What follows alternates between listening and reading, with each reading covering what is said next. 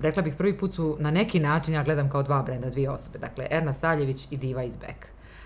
Ima li tu nešto što se spaja u, u zajedničkoj liniji, odnosno ko je Diva iz Beck, osim ono što vidimo putem društvenih mreža?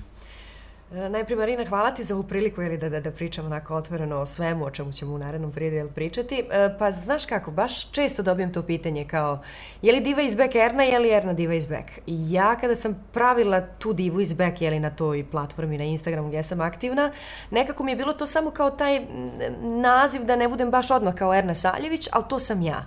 E, znači, u suštini jesam napravila brend od Diva iz pa me često sa ljudi zovu i Diva, a ne Erna po mom imenu, ali u suštini to sam ja i jedna autentična. Mada ja u šali znam reći dvije su meni. Kada nekad hoću da napravim neki problem u životu i kada hoću da budem pravedna osoba, pa onda kažem ne samo dvije, u meni ima tipa 40 žena, ali uh, gledam da sam autentična, da sam onako kakva jesam i, i kada se ugazi, ugasim, Instagram kamera ili kamera telefona i e, kada sam sa nekim svojim najbližim ljudima ili kada sam pred ljudima sa kojima se poznajem jeli samo preko društvenih mreža. To je sjajno, ja vjerujem da je autentičnost nešto što je vrlo e, uh, važna, ali isto tako tu smo najranjiviji. To je jedna bolna tema. I meni je sjajno da postoje žene u našoj uh, balkanskoj realnosti koje su već vidljive, koje imaju glas. Jer mi se očajnički borimo da nas neko čuje, da nas neko vidi, da nas neko uvaži. I onda su žene poput tebe te koje mogu da povuku sa sobom desetine, stotine hiljada i da na neki način budu dio pokreta. Pa tako kad kažeš, stvarno e, shvatim, samo se vratim koliko je velika odgovornost e, biti neko od uticaja na društvenim mrežama. U stvari skupiti e, i nekako da se pratimo godinama, sad već mogu reći, jer ti neki ljudi su bukvalno godinama uz taj device back nalog i mene. I upravo si rekla pokret. Jer možemo stvarno nekim adekvatnim, ispravnim djelovanjem, da tako kažem, jer ima različitih pokreta. Neki su i pogrešni, neki idu jeli, na uštrb društva i tog nekog našeg i mentalnog zdravlja i svega, ali znala sam stvarno nekako sa, sa, sa tom ekipom, ja ih zovem ekipa, ne mogu da kažem pratioci, followeri, publika, to mi je, previše mi je hladno zato što mi stvarno ovaj, imamo. E, znali smo nekako pokrenuti super stvari od pričanja o adekvatnim temama, socijalno, društvenim, nije ni bitno do ne, čak i političkih i recimo kada treba izaći na neke proteste koji, koji vrijede, koji znače za neki um, za neko poboljšanje to tog a, a, društvenog života ili kvaliteta života, znali su se pojavljivati u, u velikom broju ljudi koji me prate, jeli, i koji kažu tu smo, jer si rekla hajdemo i kao skontali smo ako, ako sad ne uradimo nešto zajedno, jeli, kad, kad je prilika. Tako da zaista se mogu napraviti sjajni pokreti. Kažem, i meni nekad nedostaje hrabrosti, ali onda kada vidim da imam isto mišljenike u nekoj um, super temi koja je odlična za mlade ljude, za generalno nas, i uh, onda dobijem tu neku hrabrost da kažem, e, hajdemo sada, da jedni druge nekako bustamo, ohrabrujemo za nešto bolje danas, sutra, preko sutra. Tako da definitivno pokret. To je lijepo ovaj, kad se tako istakne u smislu eh, ljudi koji imaju utice na društvenim mrežama da mogu zaista da prave neke pokrete koji će poboljšati generalno neko društvo koje je jeli, u posljednjim godinama onako malo stagnira u nekim kvalitetima koji su se možda nekad, ja tako slušam od roditelja ili ovaj eh, ljudi od prije nekako više cijenili nego danas. A, Ja sam čula uh, ta, tu divnu riječ, ponekad nemam hrabrosti, pa me onda uh, moja zajednica, ta community uh, na društvenim mrežama zapravo možda pokrene, ubijedi da sam na pravom tragu. Ali u mom poslu često kažu ona je samo voditeljica, čita vijesti. Da. U tvom poslu ona je neka influencerka, samo se slika. Uh mhm. -huh. Šta im ti odgovaraš na to? Da, pa pazi, znaš kako, kako to e, ja razmišljam? E, kada je došlo generalno, e, kada su te društvene mreže i kod nas jeli uzele maha, jer to je prvo negdje u svijetu, pa mi gledamo, dođu te platforme kod nas, pa se mi onda jeli možemo ovaj prijaviti, napravimo naloge i krenemo ovako kao posmatrati. I sjećam se, ja sam napravila recimo Instagram mrežu na kojoj ja sam aktivna prije pa sigurno nekih 9 godina, može čak i deseta. I tad sam ono kao volim fotografiju, ja sam se tada bavila aktivno novinarstvom, bila sam novinar članaka i kao malo fotografija, malo pišem ispod i ljudi su se počeli nekako kačiti na tu neku moju emociju koju sam ja željela da, da ovaj, e, podijelim i generalno smo uklopili. I onda kako je prolazilo vrijeme, e, jeli ta, ta neka moja zajednica je rasla i uh, znala sam onda kada, kada je došlo to kao u smislu onda novinar, jeli kao aha imamo i mi te neke influencere, ko ste, šta ste i kao odjednom sam dobila tu titulu influencerka. I sad je bilo kao, u početku smo svi nekako kao, joj nisam ja influencerka, ja sam novinarka, ono kao bježali smo od te, od te kao tog imena influencerka. I onda sam rekla, čekaj, čekaj, čekaj, e, šta je influencer kao, hajdemo sa definicija. U suštini to su da tako kažem, ti neki obični ljudi, content creatori koji uh, prave taj jeli, sadržaj i uh, privlače jedan adekvatan veliki broj ljudi i imaju uticaj na njih. Od nekih mlađih populacija do jeli, starije doba i, i tako. I ja kažem, ok, ako imam već uticaj, zašto, ako su mi ga ljudi dali, jer pazite, ne postanete vi influencer tako što se rodite i kao preko noći, nego morate da imate nešto što vi njima pokažete, što njima godi u tom trenutku života i oni vam podare ono što što je najbitnije danas, svoje vrijeme, je li tako, i svoju pažnju. To je najvrijednije danas. Mislim, kad bismo znali čemu sve dajemo svoju pažnju, ne bismo trebali, onda bismo shvatili koliko je to moćno oružje u našim rukama. I I sad kao influencerka ja sam rekla neću da bježim od toga, e, ali ću da stojim iza svake izgovorene riječi na tvoj društvenoj mreži. E, I sad e, ono kako sam rekla, nema mi ja nekad hrabrosti, znam da ima toliko tema koji bih se ja dotakla, e, od, kažem, nekih klasičnih životnih, u smislu mene prate pretežno žene. Sad, gdje ću se ja ofarbati, kako ću im olakšati da nađu um, kozmetičarku, do nekih političkih tema, do tome kako sam možda uspjela u poslu kao žena, da li je teško biti žena u muškom svijetu. I um, onda kada se vraćam na to, to uh, influencer, influencerka, kao u smislu ljudi to shvataju pežorativno kao, e, kao ma oni se samo uslika, to je čas posla, zarađuju neke novce, kao futbaleri recimo, kao oni su preplaćeni ili nešto slično, ali to isto kao kad dođete do obućara i kažete popravite mi cipelu i on kaže dođite ujutru, vi dođete i on vam ne znam naplati 15-20 maraka, vi kao pa zašto, ono kao sam se džon odlijepio. Ali opet treba imati znanje i treba znati to uraditi i mi za sve poslove kažemo ma ajde to je 5 minuta, je li tako? E tako isto nekako iz ovaj ovaj posao koji jes, jeste posao, struka, u, u, u ovaj, jedna niša marketinga, influencer marketing, Zaista to treba znati raditi. I tu treba znati e, nekoliko vještina da vi zaista umijete napraviti storytelling, ispričati neku priču, da to ljudima bude pitko i da oni nekako, da li da se nasmiju, da li da se e, edu, edukuju o nečemu ili nije ni slično, ili jednostavno da, da, da, da vam u tom trenutku vaš influencer kojeg pratite, a on može imati 500 e, followera, 1000 ili 500 hiljada, u suštini samo da vama nekako koristi na dnevnoj osnovi. I zato ja uvijek kažem, mi smo uvijek odmah spremni na prvu reći kao uh, ma šta, je jeste, lako je to, ona je samo voditeljica. Napišu joj vijesti, čita vijesti. Međutim, i kada vam napišu vijesti, nije lako stati ispred kamere, fokusirati se na i govor tijela i na sve i čitati te vijesti onako da je, uh, da je fluidno, da ima tu dikcije i svega toga. Mislim, tu, su, tu je i vrijeme na vježbanje i tu je, treba imati harizmu i svašta nešta. Međutim, ljudima je, nama je uvijek lakše, ne kažem ljudima kao da ja nisam dio, jeli, ovaj, tih koji znaju nekad reći, ma to je lako, čas posla. Pa to su samo klinci koji prave selfije. Međutim, vraćamo se na ono što si sjajno rekla i meni je drago da to čujemo ovaj, kada ljudi shvataju taj pokret. Stvarno, influenceri danas nije bitno na kojoj platformi, mogu napraviti sjajne pokrete i generalno ima ih i na našem, u Bosni i Hercegovini i u regiji, da su pokrenuli super stvari i da generalno to nekako pomaže tom mentalnom zdravlju koje je top tema 2020. i 2021. Eh, koja je kad malo dublje zađemo u to jako bitna za sve nas. Tako da od mladih do, do, do generacija poslije i generalno od 7 do 77 i prije i poslije. Mislim da smo dobro otvorile strateški važne teme o kojima želimo pričati. Rekla si uticaj, odnosno influenceri, trebalo bi da imaju mogućnost promocije, zagovaranja, pa i preporuka određenih da li brendova, stilova života, načina promišljanja, možda i akcije i reakcije. To je ogromna odgovornost.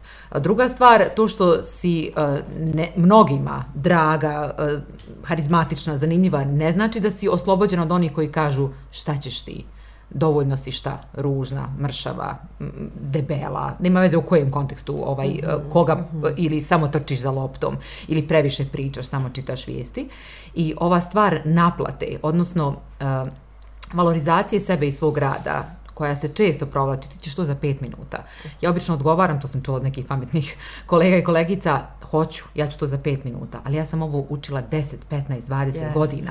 Brusila da bih ja to sad za pet minuta. Dakle, ne plaćaš mojih sad pet minuta, već mojih 17 godina u mom slučaju novinarstvu. Yes. E, hajde da krenemo od ovih kritika.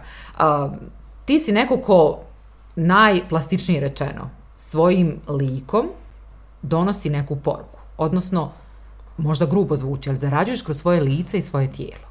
Je li to dozvoljeno u, u balkanskom kontekstu? Odnosno, imaš li autonomiju nad svojim tijelom? Uh -huh, uh -huh. Uh, pa je ozbiljno pitanje. Ne kažem da, da ostala nisu bile ozbiljna, ali, ali ovaj, da. Pa vidi, uh, Pritom sam u Bosni i Hercegovini. I znaš sada kada se kada se pominjem taj neki je pola pola. Pazi, tata Crnogorac, mama Bosanka i ja sam uvijek nekako, da kažem, kad bi me pitali Jugoslovenka, jeste da smo se mi kao sad svi raspali, svi imaju svoje autonomije, ali kao ja sam od svih tih nekih zemalja Bal Balkana, tako se nekako osjećam. Ali ovaj, da, pola Crnogorka, pola Bosanka, međutim sad sam u Bosni i Hercegovini i znam da nekako um, najviše uh, stavljaju fokus na ženu u Bosni i Hercegovini zbog hiljadu nekih ovaj motiva i razloga kao u smislu jel ti stvarno možeš tako da se slikaš, jel možeš biti u bikini, jel možeš da šetaš minicu, a opet me kao razumijevaju me kao neku poslovnu ženu koja je um, izgradila sebe svoj brend, jel ovaj, naravno kroz novinarstvo, onda nekako uh, sad mislim da se mnogi ne sjećaju tih nekih mojih novinarskih dana i generalno te neke karijere ispred televizijskih kamera, sad me znaju ispred kamere mog Instagram naloga i kao u smislu uh, preko njega, jeli, odašljem tu poruku koja stiže do, do jako velikog broja ljudi. Ali u suštini, e, da, plastično rečeno, ja nekako zarađujem i napravila sam svoj posao preko svog lika i dijela, da tako kažem, lica, tijela i svega ostalog i dosta se promijenilo, žene imaju slobodu, međutim uvijek ćemo naići na taj neki, jer smo mi i dalje konzervativno društvo, kao u smislu da li se trebamo e, ovaj, toliko pokazivati tijelom na tim društvenim mrežama, da li, ja uvijek nekako kad se dođe do tog ljeta, kao u smislu koliko je adekvatno i prihvatljivo društvu da, da se se e, djevojka, žena od 31 godine, koliko jeste meni, e, pokazuje u kupaćem kostimu ili da nosi pripijenu odjeću ili sve ovaj, takvo nešto, ali kažem, 21. vijek je, e, mi smo slobodno društvo, otvorene zemlje, pretpostavljam i otvorena društva, tako da ja nisam osjetila previše tih nekih, kako da kažem, nemogućnosti da to radim u ovoj zemlji ili u ovoj regiji, ovaj, ali uvijek je bilo onih koji se ne slažu sa vama i koji su spremni svoje neko nezadovoljstvo ili jednostavno to neshvatanje vas i vaše potrebe da bilo što učinite sa svojim tijelom ili nije bitno čime u svom djelovanju, da vam kažu, a što ti to tako? A šta će ti? A šta ćeš ti? A što to radiš? A kako Ali šta kažu članovi porodice? Mislim da je to vrlo senzitivno. Nekad nešto što bismo mi, mi to ne napravimo jer živimo u nekom socijalnom okruženju gdje naše da. mame, tetke, očevi, ne znam, šira porodica, znamo da ćemo njih na neki način unezgoditi, diskreditovati. Pazi, to je jako interesantno. Um, meni su oba roditelja onako nekako, da, ka, da kako kažem, skromni ljudi. Um, onako u smislu, uh, Tata je malo poučen, iako je crnogorac, ima e, dvije čerke i sina, najmlađeg, e, iako e, ovaj, ja kažem, moj tata je jedan od rijeđih crnogoraca, iako možda samo tako ovaj, ih bije taj glas da hoće sinove, jeli, da produže svoju lozu. On je i dalje nje, prvi fan moje sestre, to mu je kao prvo dijete i on je ono tipa zaljubljen u moju sestru, u smislu to mu je prvijenac ženski, tako da nije bio lud kao ja moram dobiti i sina, dok je mama imala taj pritisak, kao došla u Crnogoru, sad kao treba joj ovaj, ovaj, muško dijete. I sjećam se, to je čak smiješno, ja sam to i dilila u, u live videima kada pričam sa, sa ljudima koji me prate, kao u smislu, kada je skontala da je drugo dijete kao djevojčica, kao malo je bilo krivo, kao zaplakala, bar tako mene furaju moji neki ovaj, jeli, stariji članovi porodice, gdje se šalimo, naravno, svi jedni druge podržavamo i kada je počeo taj Instagram, generalno, Ovaj, I sad te fotografije i sve to kako ide, pa su moja mama koja prati društvene mreže i onako pokazuje tati ono kao šta, šta sad ja ovaj, radim na tom Instagramu. Uh, on je uvijek kao u, smi, u smislu tom poslovnom rekao kao ja ovo je super, se može od toga zarađivati. Kada mi na Balkanu nismo mislili da se od influencer marketinga kao može zarađivati, on je rekao to je genijalno, ti možeš napraviti od sebe brand i kao to je, to je tako unosno. Tako da me on u tom smislu stalno podržavao, a mama je tako je kao ono, jel ti okej okay ta kombinacija? Je to možda malo prekratka suknja? U smislu malo patriarhalno odgojena, iako kažem, to je jedna žena širokih evropskih shvatanja, ali kao malo joj je bilo ko šta će društvo reći. I onda ja kao sjednem s njom i kažem, mama, ti znaš mene ili tako, znaš moja ubjeđenja, uvjerenja, kako ste me odgojili, kako sam vaspitana. I onda ja tako poslužim s njom kao da sam u tom trenutku ja roditelj i ona kaže, jeste u pravu si. Ti bi trebalo da budeš ono što ti jesi. Ti najbolje znaš. I u suštini onda kad krenu ljudi da mi govore recimo, ovo je sad možda će malo biti brutalno, ali ono nemaš sise, žgoljava si, zašto nemaš e, veće obline ili slično, I onda ona kaže, pa vidiš kako ono, kao u smislu, kako budu izazvani, ono, kako, ono, reakcije, ono, meni je ružno da čitam kao tvoja mama to, kao da li tebe povrijede. Pa rekao u jednom trenutku kao ženu, uh, koja uh, jeste izgrađena i sve, bude mi malo, ono, kao u smislu, um, ne mogu da kažem smiješno, malo žao tih nekih komentara. Jer Ali su, može to i da boli, zavisno bo, od, od e, sad, dana. Sad se vraćam na to jer sam ja žena od krvi mesa sa svim svojim manjkom samopouzdanja, kompleksima, jer kompleksi ne, mo, ne mogu da se preko noći noći u smislu izgube, izbrišu, da ih se riješite. To se jednostavno radi na sebi, ulaže u neke prednosti vrline, da biste negdje svoje nedostatke koje može meni hiljadu mojih najbližih ljudi reći, ej, prekrasna si ja biti, pa moje prijateljice ubila bi za te noge. Ja, ono, joj da su mi malo deblje. I u smislu, uh, pogodi to, posebice kad, ste, kad e, se odlučite za, za, da tako kažem, javni posao gdje ste vi kao otvoreni i u smislu, ljudi tu imaju, mene ljuti ovaj komentar, e, uh, kada vam dođu sa tim nekim negativnim konstatacijama, komentarima, gdje stvarno mogu biti toliko neljudski, ovaj, da nevjerovatno da to može čovjek, žena nije ni bitno, ovaj, muškarac da napišu, i kao prvi, prvo im je opravdanje, pa kao vi ste javne ličnosti, otvoreni su komentari, mi možemo izniti svoje mišljenje. Ali ja kažem jasno, možete izniti svoje mišljenje, ali ne vrijeđanjem ili u smislu čak i nije ni potrebno da nekome kažete meni se ne sviđa tvoja fizika. U smislu frizura ovo ono. Samo nemoj da pratiš tu osobu. U smislu ako te nešto iritira, jer uglavnom su ti neki komentari izazvani kao nekom iritacijom. Nešto kod vas iziritira neko ko vas gleda, u tom trenutku čak i prati, i on je kao isfrustriran, želi to da vam kažem. Ja njima odgovaram, A odgovaraš svima? Uh, pa pazi, to smo me pitali na početak, pa da se vratim odmah. Ne stignem svima, jer velika je količina, ali znam onda nekako objediniti te komentare i kao odgovoriti nekako grupno, onako na nekom storiju gdje je ono vidljivost svima direktna, kao u smislu, uh, nema potrebe za svoju neku ranu, jer svi mi negativno e, na nešto reagujemo iz nekog svog poriva, da li neke rane, da li neke sujete, da li neke ljubomore. Čak to u, u, u psihologiji i psihoterapiji je objašnjeno kad ste na nešto ljubomori, to znači da vam to treba. Popričajte sa sobom. Da li je to nešto što vama treba, pa ste vi iziritirani zato što to nemate. I onda počnete da radite na tome da to imate. A ja im odgovorim uglavnom, i to mi je nekako najbolji komentar za sve, samo oduzmite pažnju onome što vas iritira. Znači svoje vrijeme. A danas na društvenim mrežama, unfollow, block, uh, delete, šta god, ima toliko opcija genijalnih za taj neki duševni mir. Međutim, mi kao ljudi nismo naviknuti da, da filtriramo sadržaj. I prije društvenih mreža, i prije tih nekih interneta, jeli, ja, ja sam čak, uh, moja generacija, to neko 90. godište i malo prije, malo poslije, mi smo nekako živjeli taj period i bez interneta, daja lapa, pa kao došao daja lapa, pa i bez mobilnih telefona, pa i mobilnih telefona. Tako da možemo, kao imamo i to i to, kako se živjelo prije toga i sa tim.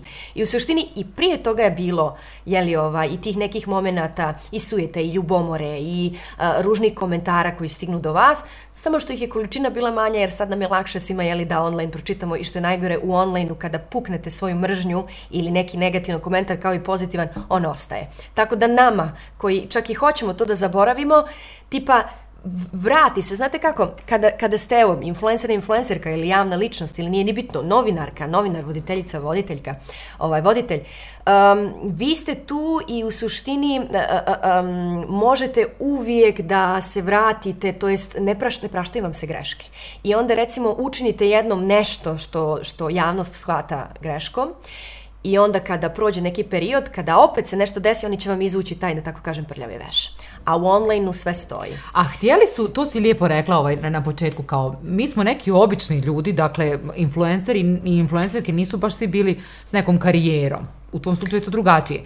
Ali su oni, o, ljudi su se željeli osvrnuti na neke obične ljude sa manama i sa vrlinama koji su na neki način im prijali i možda bili e, pozitivni, inspirativni za njih. A onda yes. su projektovali u to brojna očekivanja koja sad ti kao diva iz back mora da ispuniš.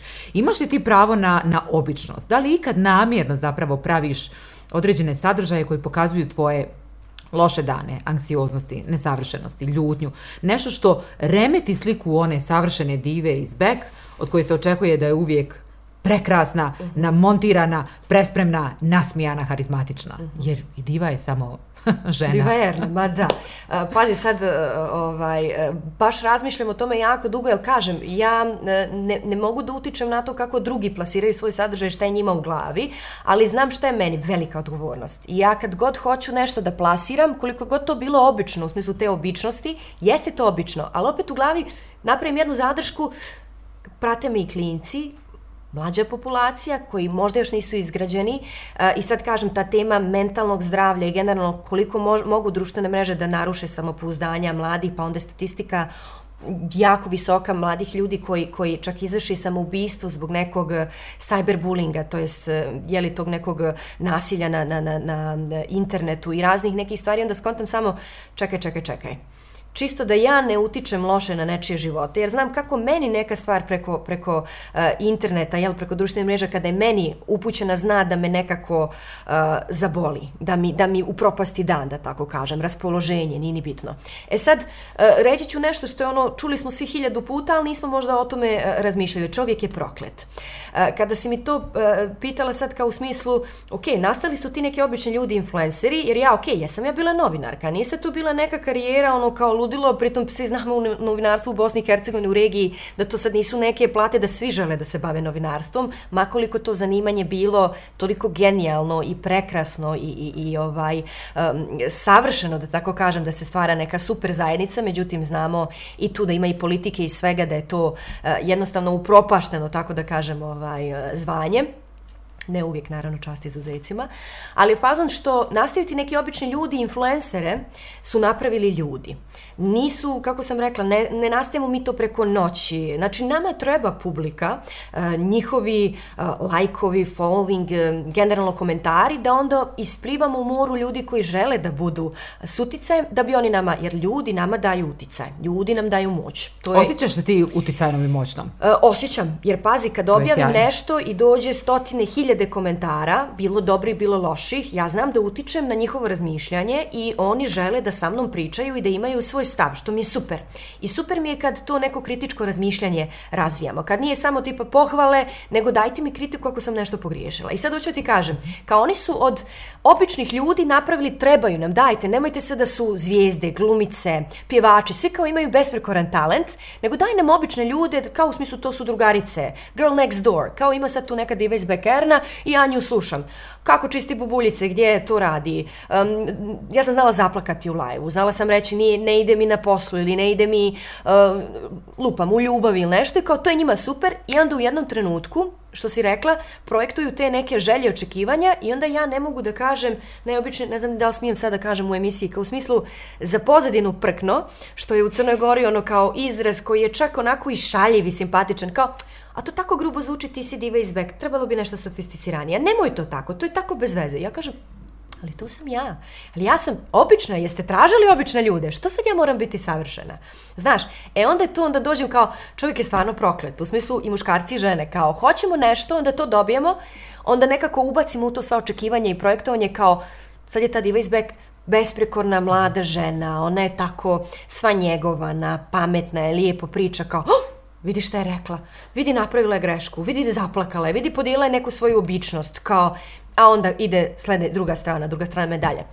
Plačeš u lajvu, hoćeš pozornost, hoćeš lajkove, hoćeš pažnju, hoćeš ovo, hoćeš ono, kao to nije iskreno, to je fake. A vamo hoće, pokaže da plačeš, pokaže da imaš modricu na tijelu.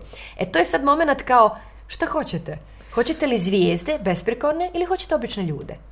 Uh, ja samo moram da kratko ti kažem jednu vrlo meni zanimljivu stvar. Uh, žena rijetko zna da primi kompliment. I ako zna da primi kompliment... To ti ono kao divna ti haljna, ma joj, platila sam je 20 maraka, tako? Tako je. E, kad sam pitala jesi uticajna i moćna, rekla si da.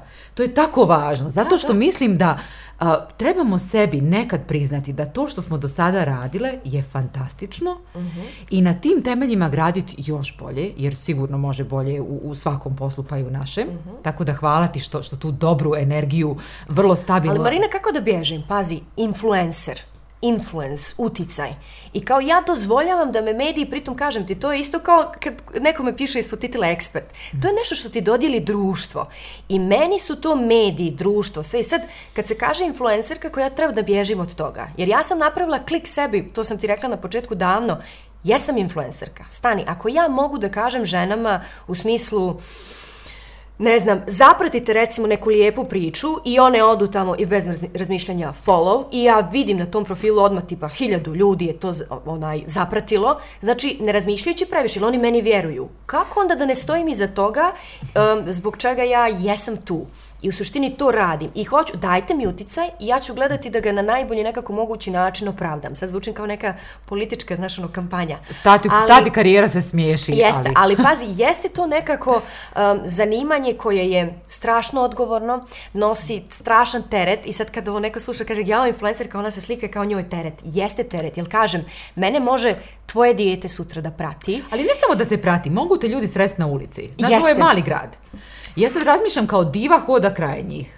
I sad kao, aha, šta je opukla, kako hoda? Je li prešla yes. na crveno? Gdje je parkirala? Smije li uopšte e, bravo. da Evo, sad ću te izvini što ću te prekinuti. Evo, baš uh, juče, kroz tržni centar, idem sa uh, jednom ekipom, to mi je kao ono, potencijalni klijent, mislim sad na poslovnom sastanku, idemo do, jeli ovaj, njihovog ranje, nije ni bitno, i sad nas je nekoliko, jedno od nas nema masku. Ja odmah stavljam masku i sve, i kaže, A kao mi smo sad bili na sastanku bez maske, ono kao, zna, jer rekao, jeste, bio je zatvoren prostor, bili smo mi. E, pritom, kažem, to je sad na ličnu odgovornost, ko je vakcinisan, kako, gdje je ovo, ja zaista sam nekako zalažem zato pomo pomozimo čovečanstvu.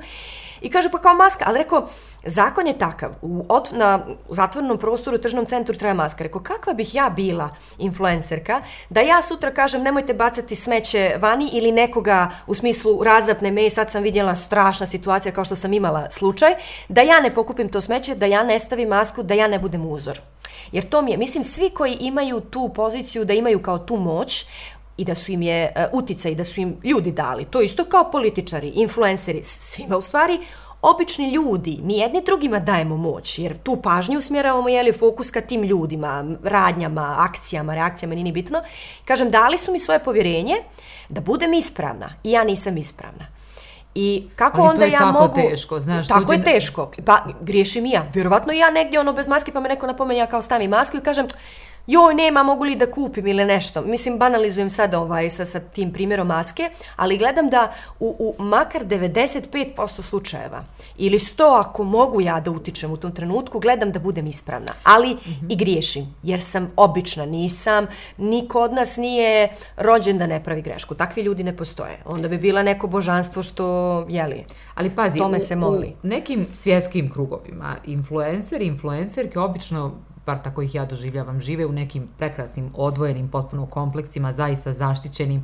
I kad se izlože paparacima, to je vrlo smišljeno, planski. Prvo ih armija ljudi pripremi za to šetnju kroz, ne znam, nija i nedavno su Jennifer Lopez i Ben Affleck se ovaj, kao spontano šetali, slikali i ima, dakle, druga fotografija koja pokazuje 500 fotografa koji trče za, njim, a, za njima, a oni kao nešto uživaju. Dakle, sve je to zaista fake, sve je isfolirano i oni to rade za potrebe da ih malo Pazi, ali, oni su, ali oni su poznate ličnosti, slavne ličnosti. Imaš, misli, sad je to kad dolazimo u influencer marketing i to kao ko su influenceri, ko su slavne ličnosti. Imate vi influencere slavne ličnosti, onda imate slavne ličnosti, pa imate mikro, makro, nano influencere, iz, kategorije su. Jer ja nisam, naravno, nisam Jennifer Lopez i do, do, do, do nje doći je, jer ona je glumi glumica prije svega pjevačica. Uh, I to ona je, ona to je, je bila plesačica je, prvo, pa je onda neke talente razvijala. E, to su ti, ti talenti koji su bili prije svega toga. I onda je nekako i logično da oni imaju i scenirano, a mi smo zato tu kao došli odjednom, kao otvorila se ta era influencera, običnih ljudi. Ali oni su zaštićeni, to ti hoću reći. Mm -hmm. Dakle, i influenceri koji nisu Jennifer Lopez, na svjetskom tržištu su zaista zaštićeni. Ne možeš ih baš tako sad sresti da hodaju, ne znam, Parizom, New Yorkom, San Franciskom, nema veze. Znaš što mene interesuje? Da li jedna Jennifer Lopez nekad ne sjedne i ono počne da googla šta o njoj pišu. I ono tipa ne upropasti sebi raspoloženje kao ono pogledaj kakve ja komentare imam. Jer mi znamo, svjedoci smo sa kakvim se oni depresijama bore. Pa čak i, i, i ovaj, koliko je samoubistava bilo među zvijezdama i, i strašnim nekim scenarijima, nekim breakdownovima kojim ono, svjedočio je čitav svijet. I ono kao, ne vjeru, a što to? I onda gledamo novim običnim primjerima. Ja pričam ljudima. Imala sam toliko kampanja, pa znate šta je body shaming, cyberbullying, š, š, kakvi su to komentari? E, hajmo o body shamingu. Dakle, ti si neko ko je, ja bih rekla, uh, manekenski građaj. I onda pokazuješ tu svoju posturu, e, naravno i reklamirajući neke brendove, ali i zagovarajući neke pozitivne promjene, novim generacijama djevojaka, djevojčica i žena, uh, koje pogledaju tvoje duge noge ili ne znam, izvajano tijelo, pretpostavljam da nekad prođe nekakve filtere, photoshopove, što je vrlo prihvatljivo u 21. vijeku i kažu šta ona priča, budi ono što jesi kad tipa moje noge su ovakve onakve, moja stopala su ovakva ili onakva ili ja imam trbuščić, porodila sam se. Dakle, ženama šalješ neku sliku gdje se one mogu osjećati vrlo ranjivo uh -huh. i onda kako da, da vežemo divu iz back za neki body positivity ili ovaj body autonomy. Dakle, takva sam, da. kakva sam najbolje što mogu u momentu. E, znaš kako, uf, tu, tu baš gledam, jako sam aktivna na, to, na, u tu temu, na tu temu, jeli? A, jako puno govorim, jer i jako sam puno e, stvari sama prošla. Recimo, ja sam kao klinka da počnem od tog nekog početka. Kao, imam tu neku građu koja je onako um, više dječačka, tako kažem. Nemam neke obline sad, ono, tipa pješčanog sata, koji je u mojoj glavi idealno žensko tijelo u mojoj glavi. Sad svako ima u svojoj glavi neku ljepotu, kako ono, ljepotu u oku posmatrača. Ja sam sad taj posmatrač, posmatračica i kao to je meni ono kao bokovi, ono što kao što nemamo, duge neke možda crne kose, neke lokne. Ja sam totalno suprotno od toga i recimo kad sam bila klinka, ja sam to pričala javno, baš da bih ohrabrila žene da nisam savršena ako neka pomisli ja vidio i noge, a reći ću ti kasnije na temu Photoshopa. I kao ja sam, tipa volim te live video, jer kao tu sam, ja sam pred njima, nema nikakve filtera, upalim svjetlo, upalim kameru i pričam s njima uživo. I ja kažem, to i moja mama zna i tad me ružila i dan danas kaže si li blesava, kao dijete, kao klinka, sad lupam 14-15 godina, osjećala sam da su mi noge premršave, a kao tad već kao trebam biti žena, curetak, jeli? I kao obučem tri pidžame, tri pidžame Marina ispod farmerki, da mi noge budu deblje. I jednom, uh, sad kao ja sam to Kako skinem da to niko ne... žena? Zamisli. I sad ja dođem kući i sjećam se, mama je ušla u sobu da nešto raspravi, ja sam tako to skinula i kao brže bolje, kao otišla na neki ručak, nešto da ona to ne vidi, jer znam da bi me, jer da, ona me je učila kao voli svoje tijelo, gledaj šta su ti kao u smislu tvoje prednosti, vrline, kao, znaš, u glavi je moć nije u tijelu. I kao učila ona mene super, ali džaba, to gledaš okolo, gledaš magazine, mi smo tad magazine imali, časopise. I kaže ona, šta je ovo, Erna? Rekao, šta? I sad ja ono kao prci. šta? Kaže ona, pijama ispod farmerki. I ja sjednem sam, rekao, mama, ja bih da imam deblje noge, ovo, ona, ona kaže, nemoj, molim te, da moliš da se ugojiš, a kao moja mama u tom trenutku, jel, posle tećeg djeteta sam kao malo ugojila, kaže, vidi mene, pa ja bi se dubila za tvoje noge. Al džaba, to nije dopirala do mene, do neke 20 i neke godine, kad sam ja shvatila, moje noge su super. Sad, kad imam 31 i vjerojatno što ću imati više, više godina, kažem, ove noge, Bože, hvala ti na njima. Međutim, pokušavam da, da tim nekim jednostavnim jednostavnim, iskrenim ovaj, pričanjem mojih nekih iskustava kroz život kažem, nisu najsavršenije, ja i dalje volim pješčani sat, ali to je moje tijelo tako kako, kako jeste. Volim da ga održavam zdravim, idem u, u, u, u, jeli, u tu teretanu ili bavim se nekim fizičkim aktivnostima koliko mogu, jeli, da on ostane u, tom, u toj formi. Kad sam radila kampanju ovaj, uh, za, za moju kolekciju Diva is Back for Alma Ras, generalno to jeste spavaći program, čak je bilo i veša i svega. I sad mi radimo taj fotoshooting i stvarno, mislim, genijalan fotograf Edwin Kalić napravi savršene fotke, tu Photoshop i ne treba. I sad ja to kao gledam i bilo je u mojoj kampanji, pozvala sam moju publiku od, iz mojih followerki da, da učestvuju u kampanji i da tu bude bukvalno koja god voli svoje tijelo ili ne voli, hajde da ga zavolimo kroz tu kampanju. I bilo je sad um, um all sizes, da tako kažem. I sve su to prekrasne žene, jer imaju neku svoju, nose neku svoju energiju, pa tek onda treba prvo vidjeti auru, pa onda tijelo. I sad gledam ja svoju sliku i nekako mi ono, ne mogu da kažem savršeno, ali ono sve je po taman. Ja kažem, Edvine, šta misliš da malo stavimo? A ja stvarno nemam strije, jer moje tijelo se nikad nije raširilo do tog mješćanog sata. Nemam strije. Ja kažem, šta misliš da malo stavimo strije? Ono tipa ja u nekim, jeli ovaj, nekom donjem vešu, i on kaže, Ali Erna, zašto da fejkamo kao nepravilnost? Sutra ćeš se uslikati u kupaćem, nećeš imati to i ljudi će misliti da si to photoshopirala. Ja kažem, upravo si. Upravo si. I sad kao ja izbacim tu sliku ovaj, te noge koja nema strije, ali kažem, to možda jeste nekome savršena noga.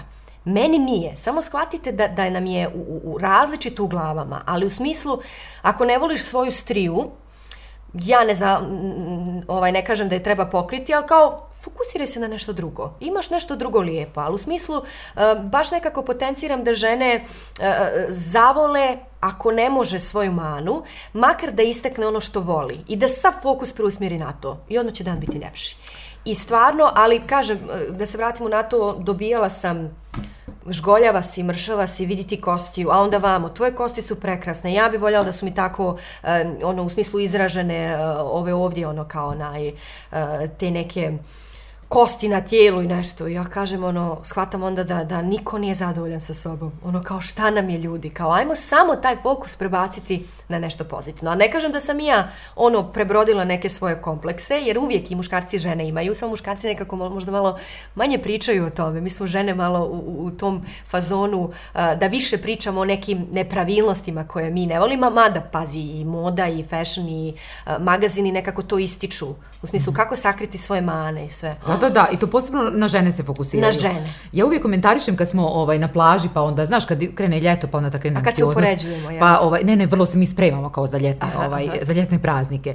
I prisutovala si milion puta na plaži da žene, jeli, ovaj, pokušavaju da nađu nekakav ili ugao da ovaj, sjednu pa da se ne vide uh, određene nepravilnosti na trbuščiću ili da, ne znam, se te strije sakriju ili se mažu, kvarcaju do be, beskonačnosti ne bili yes. to izgledalo bolje.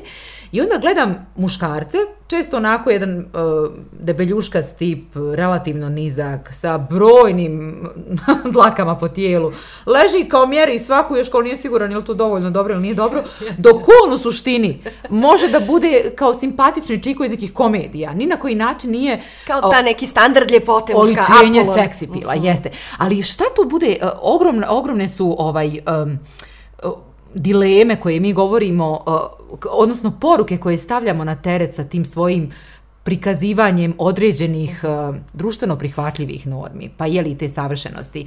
Jer se kroz svoj tretman prema tijelu može zapravo, odnosno narušavanje te slike koju imamo o tome ko smo i šta smo, može se narušiti mentalno zdravlje. Da.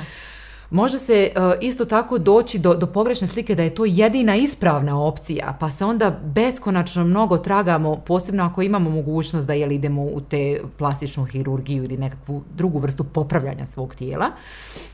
I uh, šta je još tu bitno da, da napomenem, da uh, negdje kreiramo sliku o svijetu i prihvatamo sebe, odnosno svoju seksipilnost. Kroz to odnosno, ne možemo i nikad zapravo ostvariti jer te noge nisu dovoljno duge jer ta rebra nisu dovoljno istaknuta, jer te usne nisu dovoljno napupale. I ta tema seksualnosti je posebno u našim balkanskim uh, okvirima, uh, je rekla bih, vrlo ranjiva, gdje generacije žena pitaju se da li su uh, dovoljno dobre da bi bile voljene, da bi bile prihvaćene, da bi uživale u intimnom odnosu sa partnerom i da bi se ostvarile u tom punom kapacitetu. Pa pazi, mislim, počevši od toga da nekako zašto se mi žene više poredimo nego nekako muškarci, pa onda ja uvijek kažem jo, vama je lakše nego nama, zašto ste vi tako jednostavni? Zato što je žena u fokusu. Jer mi smo uvijek Misliš nekako... modna industrija u fokusu, medija? Jeste, generalno žena prvo treba fizika, pa onda mentalno sve ostalo što je u njenoj glavi. Ali čekaj, ili ti kažu, pošto imaš fiziku, ma kao ono, lijepa, nije baš nešto pametna? Pa naravno, i to me zna pratiti. I onda ja ono počnem da pričam jer ja smatram za sebe da, da, da sam, ja neću da kažem pametna, ali visprena, znam se snaći, znam odgovoriti, ma, imam svoj stav. Ma što da ne kažeš da si pametna?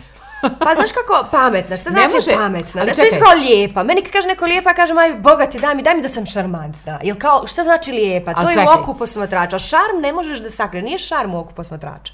Šarm, um, ili, um, ili nekoga ignoriš, ili, uh, si, uh, ili te vole, ili te ne vole, ali ne mogu da ti ignoriš. I ja kažem, ne možeš da me ignorišeš. Moju energiju šarm ne možeš da ignorišeš. A sad ljepota.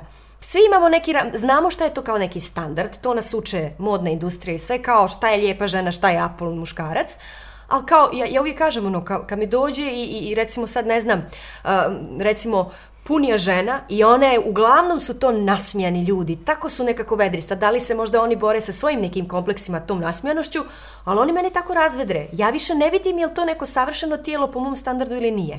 Jer nekako iz njih zrači ta neka pozitivna energija. I to je generalno sa svim ljudima. Može biti najljepša žena, najljepši muškarac, ako su tmurni, ako su tipa loši u tim nekim odnosima ili prema drugim ljudima. Jel tako džaba sve? Ali ne bi ti mogla napraviti brend. Znaš, brendove prave mašinerije da, zaista uh, uh, multisektorski povezani timovi koji promišljaju o tome šta nam je sada trenutna situacija, gdje želimo biti, postoje strategije i jasni koraci. I uz uh mhm. -huh. sav novac nekad neki brendovi ne uspiju, odnosno propadnu. Ti si uspjela bez armije ljudi. Pa da, sad ću ti kažem, ja sam napravila od sebe brend ili ja kažem, Diva iz Beck je brend. Pritom je Diva iz Beck Erne Saljević. I ja radim full time posao od Diva iz Beck, od Erne Saljević. Znači, pritom, nije me, nema mašineriju iza sebe, nemam ni plastične hirurge iza sebe, nemam ni politiku iza sebe, nemam ni bogate roditelji, neko ludilo sad da mi je neko investirao kao mene i sad kao ja odjednom kao imam tu platformu ili me zovu mediji ili ovo ili ono, kao stvorila sam to ovo mašinerijom. To je ta pamet. To je to o čemu ja govorim. Pa, bravo, jasno, ali to je sad da kažem da sam... Uh, pametna, vjerovatno bi neke drugačije stvari uradila u svom životu, jer, kako kažem, imam i neke greške gdje me ta pamet malo ne služi, ali ne mogu da je kažem sad kao sušta suprotnost pameti je glupost, kao nisam glupa, ali kao ima tu toliko tih nekih momenta koji čine kvalitetnu ženu, kvalitetnog muškarca i u smislu samo rad na sebi. Ja i dan danas učim i neću nikad prestati da učim. Prvo o sebi. E, ja sam komunikologinja, novinarka, ali ja učim kako da komuniciram s ljudima. Jer kažem, meni neko dođe i kaže želim odgovaraš. Ja se nekad zakačim za neki, pritom vidim da je hejterski komentar, lažni profil, ali znam da iza toga stoji čovjek. I onda krenem da se, pa ne raspravljam, ali ono kao nije mi jasno, pa što? Pa šta sam ti uradila? Pa idi radi nešto pametnije, idi zarađuj neke novce, idi, ne znam, čite knjigu, odmaraj se, kupaj se, šta god. I ako krene da se raspravljam sa tim, onda kažem, gdje mi je pamet, što ja ovo radim? Ali kao imam potrebu nekako da dođem do tog čovjeka, žene, nije ni bitno. I onda kao, samo da vidim šta je svrha toga, šta će dobiti oni tako što mi napišu nešto negativno. Jel će im stvarno biti lakše? Jel će riješiti neki svoj problem? I onda u smislu samo onda, stvarno nisam pametna, što ovo radim? I onda kažem, ne mogu se za sebe da kažem da sam pametna, ali da sam visprena, da sam snađena, da sam sa stavom, jer danas ljudi, tu si isto, e, to je isto jedna tema koja, koja treba da se otvori na ovom Balkanu, te neke tabu teme, intimni odnosni muškarca i žene. Koliko žene zaista, ono kad kažu mi smo slobodne, mi smo svoje, u kom smislu? Šta to znači? Jer kao trebamo da budemo bez pardona, bez lake na jeziku, pa nije samo to.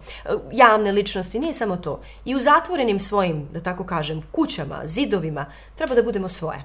E tu nekako imam osjećaj da mi žene, ono, mene često pitaju kao, je li teško biti žena u muškom svijetu? Rekao, pitajte me, je li teško biti žena u ženskom svijetu? Jer imam osjećaj da muškarci kao, toliko im je to kao, ono, žene su slabije, žene su slabije, da ono, oni kao i ne žele da nam pokažu kad ti si slabija od mene, Jer oni kao više ne razmišljaju o tome.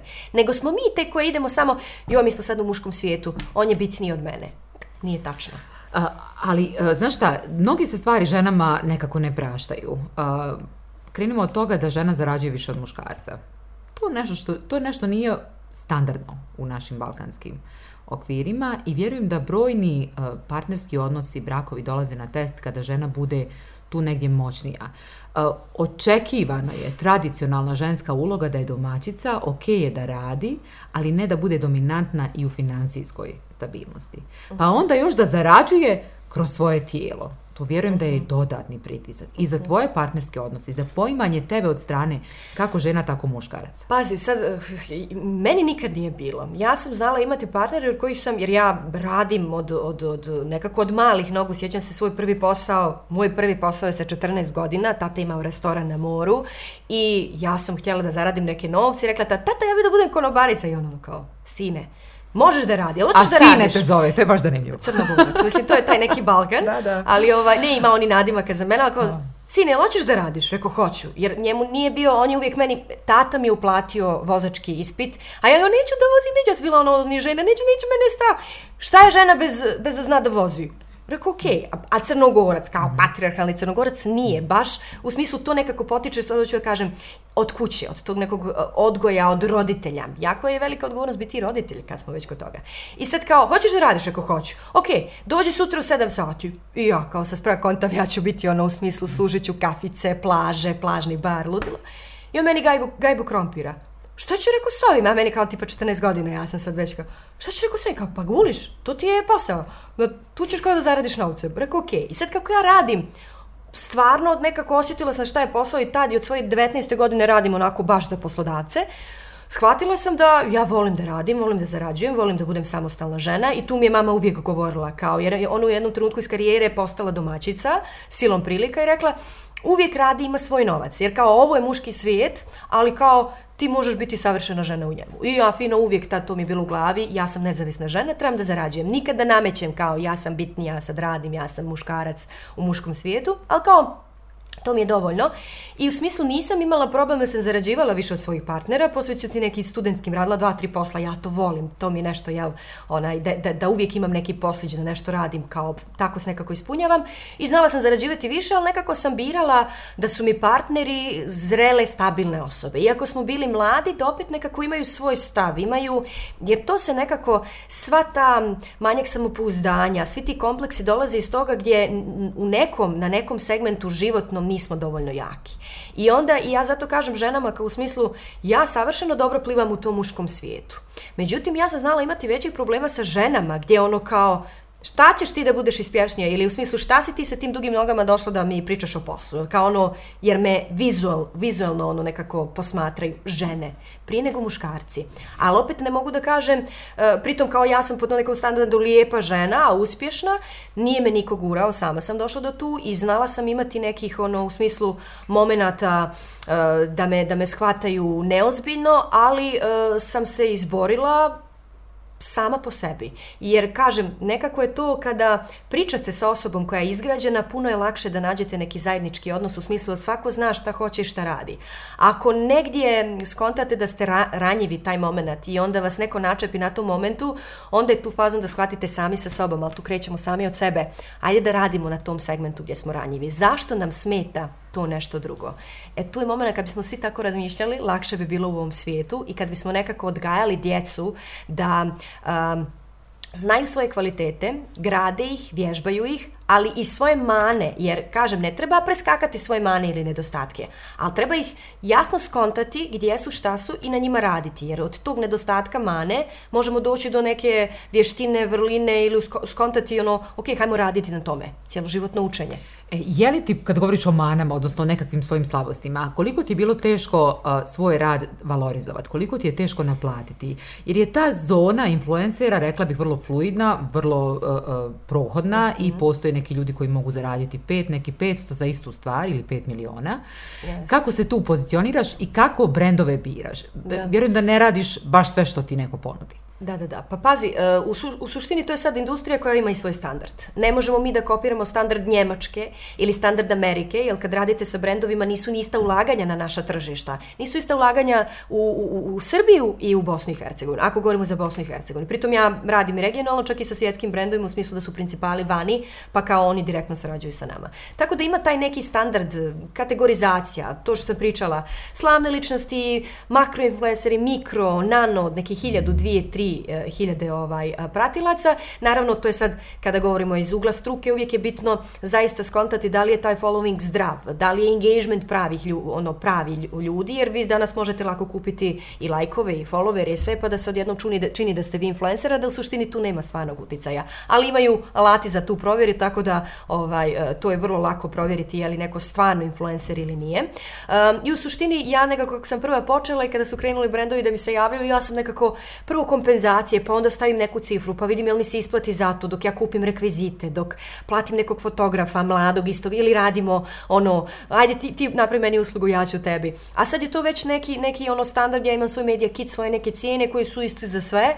Ovaj, u suštini jedino kad mi se jave neki, recimo domaći brendovi koji, koji su u porastu, pa ja im pomognem bez da im išta naplatim, jel mi nekako, kad proverim da je lijepa energija iza, da su ljudi koji rade super stvar, volim da podržim bez da naplatim. Mislim, tu smo nekako da ljudski jedni druge podržimo. Na kraju, ja imam toliko sad prijatelja ovaj, koji su mi postali kao našli se tako, oni imaju neku ideju, ja se ono s njima kao ja ću vam pomoći kao da to prezentujem ljudima, jer gledam da zato imam taj neki kredibilitet i, i ovaj autoritet nad svojim device back nalogom, jer sam to ja i ne bih eh, ljudima prikazivala i prodavala, reklamirala nešto što ne bih i ja konzumirala, radila, koristila i sve ostalo. Tako biram i brendove. Device back je postala ne zato što sam ja znala da će influencer marketing toliko unapred razmišljala da će to da bude stvarno, nego sam skontala da imam uticaj i kad su došli brendovi rekla sam ok, zašto bih ja toliko vremena provodila tim društvenim mrežama, a ne zarađivala kad mi se daje prilika. Ali je lud onaj koji provodi toliko vremena online, a još ne zarađuje ako ima priliku. I onda sam nekako to napravila kao neki lični projekat. Ok, hajde vidimo sad sa brand vrijednostima Divace Back kao brenda Ernest Aljević, koji će mi se brendovi javljati. I stvarno sam nekako napravila toliko jasnu sliku ko sam, šta sam, koje su moje moralne vrijednosti, brand vrijednosti i svega ostalog, da su mi se nekako javljali brendovi sa kojima sam ja ono kliknula i, i, i generalno jesu ja. I ja ih e, želim da radim sa njima, jer sam ih već koristila, nosila i nije ni bitno. Tako da u suštini i dan danas... E, Nakon toliko godina, neki četiri dobre godine, ono u smislu posla od influencer marketinga u Bosni i Hercegovini u regiji, da se zaista od toga može zaraditi i posmatrati kao posao koji je unosan. Uh, I dan danas mi se brendovi prvi javljaju. Ja je nekako sačekam da se oni meni prve ja, prvi jave i sa njima napravim saradnje. Uglavnom budu naravno uspješne. I um, šta sam još pitala kao šta ne bi radila? Recimo, Znali su me kontaktirati brendovi ili kompanije e, cigarete, um, kladionice, solari. To je nešto što mahom odbijam. Čak i, i ovaj, ne, ne konzumiram cigarete i ono, baš sam zagovornik ne, ne, ne ovaj, e, cigaretama. E, solari iz razloga što jednostavno nije zdrav. Čak i da ja odem u solari, a ne da je Bože da me iko vidi da ikad odem, u smislu ne bi nikad to reklamirala za novce. E, I naravno kladionice to je nešto što ja nekako ne podržavam i nekako bi mi bilo makoliki novci da su tu u pitanju i da će meni ono to trebati da, da, da opstanem. Ja bih rekla ne hvala jer ne bih voljela da moje dijete sutra ili dijete od moje sestre ode da se recimo da to nešto konzumira i radi i to ne da je Bože da je vidjelo kod mene e, kao nekog svog uzora. Tako da su to neke stvari koje bih, kažem, a tu su zaista novci, neko će uzeti zbog novaca, ali onda nekako imam osjećaj da gubi sebe ili mi je okej okay ako oni jesu za, zagovornik toga, pa kao to im je fajn, tom promovišu, ali trebam vraćamo se na onu društvenu odgovornost ovaj, ljudi koji nas prati i koliko je to zaista dobro za društvo. I onda ja nekako tu mi je taj neki tas, te neke pravednosti, ali ne kažem da sam uvijek pravedna, ali gledam da je negdje tu u, u ravni. A, nekoliko puta smo pomenuli tu riječ brand. Uh -huh. izučavajući malo brendiranje i, i sve elemente koji idu sa tim, ima tu vrlo važnih elemenata, ali ove vrijednosti koje su pomenula uh -huh. su zaista suštinski važne. Dakle, da znaš koje vrijednosti prate taj brend, odnosno u tvom slučaju tebe, uh -huh. i da ih konstantno potvrđuješ. Jer brend je zapravo povjerenje. Uh -huh. I kad kažemo neki svjetski brend, ne znam, Apple, podrazumijeva se da su oni inovativni, da su oni vizionari, da će sa svakom novom kolekcijom biti maksimalno efikasni, drugačiji, prohodni, dostupni nekim novim generacijama koje, koje pomiraju svijet naprijed. To je ono što vjerovatno i od tebe ljudi intuitivno očekuju. Pa jasno, pazi, ja sam nekako postavila, um, s, um, nisam, to jeste moja struka. I eh, ja, ja se bavim brendiranjem i generalno to izučavam i radila agencijski život i sa brendovima i na kreiranju novih brendova koji su porasli i održavanju ovaj, eh, jakih nekih brendova koji su već izgrađeni. Ali u suštini kad sam ja pravila Diva iz Back brand, ja sam samo živjela. I u suštini to su neka moja uvjerenja i ja sam nekako stvorila sliku takva kakva jeste, tako kako sam ja umjela sebe prezentovati onaka kakva jesam. I drago mi je što neko prepoznaje, pitaju me mnogi ljudi kao, a toliko se dugo baviš tim? Kao, kako to da nemaš 200-300 hiljada pratilaca? Ja kažem, hm, to vam je kao rock and roll i folk.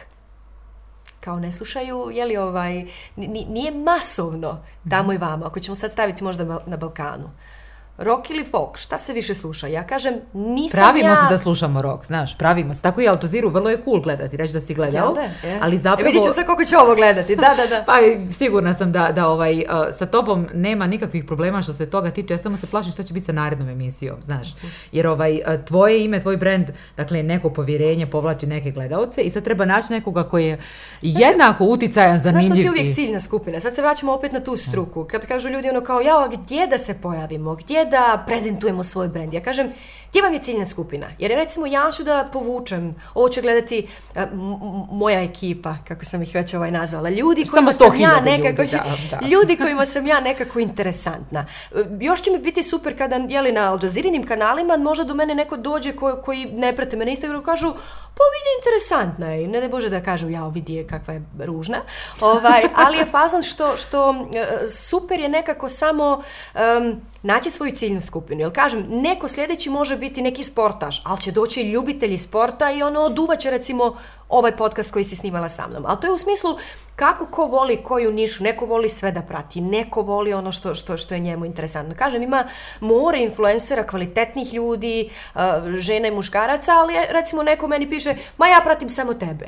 I onda meni tako kao malo bude krivo, kao sad sam kao samo ja, ali onda shvatam, ok, nema i ljudi toliko vremena za toliko konzumiranje sadržaja. Jel, pazite, na samo na jednom Instagramu se, uh, uh, ovaj, e sad ne znam da li je, mm, mislim da je uh, dnevno 100 miliona, 100 hiljada hiljada miliona fotografija se uploaduje. Sad zamislite šta je to.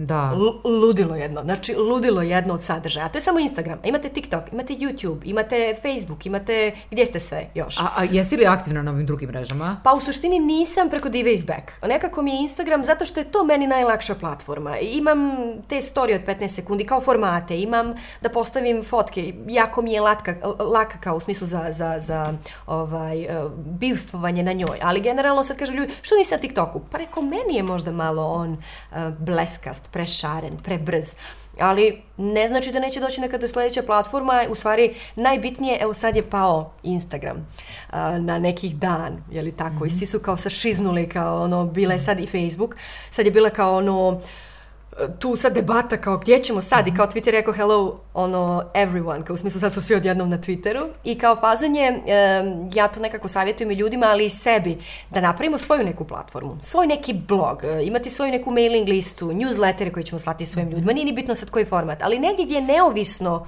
o drugim mrežama koje sutra mogu da nestanu, mislim ne mogu, ne može se to desiti Instagramu, Facebooku, ali recimo da će padati interesovanje. Ali kad vi gradite svoju nišu ljudi, usmjeravate ih na svoj neki kanal. Zato kažem, ja nemam svoj uh, website, svoj blog, to je, je li u nastajanju, čini mi se godinama, uskoro će to da zaživi, jer kažem, tu ću nekako kreirati ono što je samo moje. Sve ovo drugo mi ovisimo od tih platformi i algoritama koji su napravljene da zarađuju, da odmah kažem. Znači, one nisu napravljene jesu u nekom začetku da se mi konektujemo i povežemo, mm. ali onda u jednom trenutku to postoji mašinerije za zarađivanje novca. As Još mi pravimo sadržaj Yes. koji plaćamo da nam neko distribuira Jasno. do šireg Jasno. broja I onda publike. neki ljudi to zarade od toga, što je super, ali svi ostali koji recimo, evo, ti pratiš društvene mreže, nisi tamo aktivna kao influencerka ili nije ni bitno kao agencija, kompanija, brand, ne zarađuješ, ali fazon je onda kad si tu izaberi da to bude nešto što će ti tvoj dnevni život činiti kvalitetnijim. A ne ti trošiš pažnju na to, ljudi zarađuju na tebi i ti si depresivan, ti si lošeg mentalnog zdravlja, ti si u bedaku, ne zarađujem toliko, ne činim ovo, nisam toliko lijepa, nisam toliko uspješna. Nije život Instagram, to je jasno, međutim ja gledam šta god da plasiram tamo, da živim to. Ako objavim sliku gdje se smijem, čak i ako meni nije dobar dan, ajdemo da usmjerimo na osmijeh. La, isplačimo se, ne kažem sve ajmo fejkati osmihom, ali ono kao, ajmo se onda usmjeriti na pozitivne stvari ošamarim i ja sebe počesto. Pitaju me ljudi kako se ti boriš sa lošim danima, isplačem se. Pojadam se ljudima oko mene, budem nervozna na druge ljude, iskalim na druge ljude, isplačem i nastavim dalje. Ošamarim se i nastavim, nastavim dalje. Tako da u suštini uh, i jeste život Instagram, jer bi trebali svi da se fokusiramo na dobre stvari. Ovo sad govorim na sadržaj koji je kvalitetan, ne na sadržaj ili ima smeća na internetima, ne na sadržaj koji je nekvalitetan. A, ono što ću ja za kraj da ovaj posebno poentiram, a meni je stvarno strašno važno, jeste da znamo se, rekla bih skoro i 10 godina, emituješ tu neku stabilnu, suverenu energiju i, i prije nego što je Diva iz Beck zapravo rođena. I to nešto daje meni uvjerenje da, da si autonomna, da stojiš iza, svoj, iza svojih riječi, da stojiš iza svojih postupaka i da na neki način tu žensku solidarnost o kojoj ja često pričam. Žena, a, žene druge. Da, ali, ali da je osjećaš na pravi način. I još jedna velika hvala, zato što tvoj brand, tvoj glas, vrlo lako, potpuno besplatno ustupaš vrijednostima u koje ti vjeruješ. Pomenula si neke od njih, znam da si zagovarala i um, procese pomirenja, saradnju sa mladima, pozicioniranje žena u BH društvu, pa onda i prihvatanje sebe šta smo, ko smo, gdje želimo biti i na neki način ti uh, uh, zaista sam zahvalna što postojiš ovdje, što egzistiraš, što si tako kakva jesi i za kraj ću te samo pitati gdje se vidiš za 10, 15, 20 godina. Jer mi se čini da u tom tvom svijetu su, kao što si rekla, algoritmi diktiraju određene stvari i da uh, pretpostavljam je vrlo teško predvidjeti šta je naredna velika stvar, šta je naredni Instagram.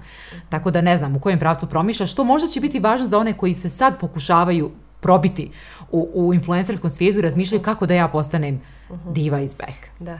Ovaj, to, je, to je treće najčešće pitanje poslije prvog koji mi je Karmina usnama i, ovaj, e, i, i drugog, ajde sad ne govorim, ali to je ono kao gdje se vidiš za pet ili deset godina.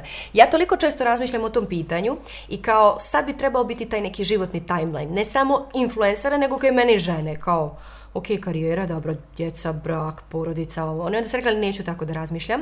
Znam samo da za deset godina ili za 2, za 5, za petnaest, vidim se kako kanališem energiju koja mi je da li urođena, da li izvježbana, usvojena, nije ni bitno, nekako preusmjeravam na ljude da poboljšam svima nama nekako to kvalitetnije danas, da tako kažem. Bilo to običnim tim nekim kozmetičkim tretmanima ili edukacijom ili momentom, ajmo svi izađe, izaći na, na, na izbore ili nije ni bitno nešto, u smislu da ja mogu da budem e, taj neko ko će kanalisati jednu energiju koja je jaka, ja ne mogu to da, da, da kažem da nemam nešto što me nekako pokreće, ta neka vatra i utiče na mnoge ljude. Tako da ću biti taj neki kanal, sad kroz koju platformu ne znam, ali imam osjećaj da ću uvijek nekako biti ispred neke kamere, nek, nekog um, medija koji će dolaziti do ljudi u smislu da nekako zajedno kreiramo bolje danas. Za sutra ne znam uopšte će biti, juče je prošlo.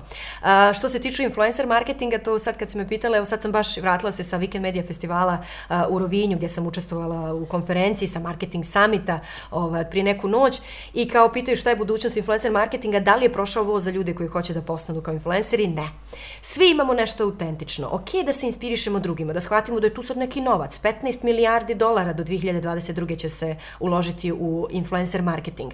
Fazon je što to jeste e, nešto što je e, što će biti isplativo i sada i u budućnosti baviti se time. posebice za mlade generacije koje vole te nomadske poslove i ovaj šta god je vezano uz online, e, uvijek možete naći svoju ovaj, e, svoju nišu i uspjeti, čak da počnete danas recimo danas otvorite Instagram nalog, TikTok ili nije ni bitno, samo je bitno da kreirate sadržaj koji je vama blizak, blizak koji dolazi nekako iz vas i razmišljajući šta drugima, kako drugima možemo pomoći. Jer svaki brend, opet se vraćamo na to, je uspješan i e, postaje i opstaje kada shvati, ok, šta ćemo da radimo, šta ljudima treba da im pomognemo? I naprave, da li to proizvod usluga, ili vi sami kao brand koji će, koji će pričati sa njima i nešto im prenositi neku energiju, samo je bitno šta im nedostaje. A danas ljudima definitivno nedostaje kvalitet u bilo kom segmentu života. Bilo je to garderoba ili odnosi, muzika, sve, fali nam kvalitet. Jer ima kvantiteta, ali kvalitet nam fali. I samo će kvalitet da opstane.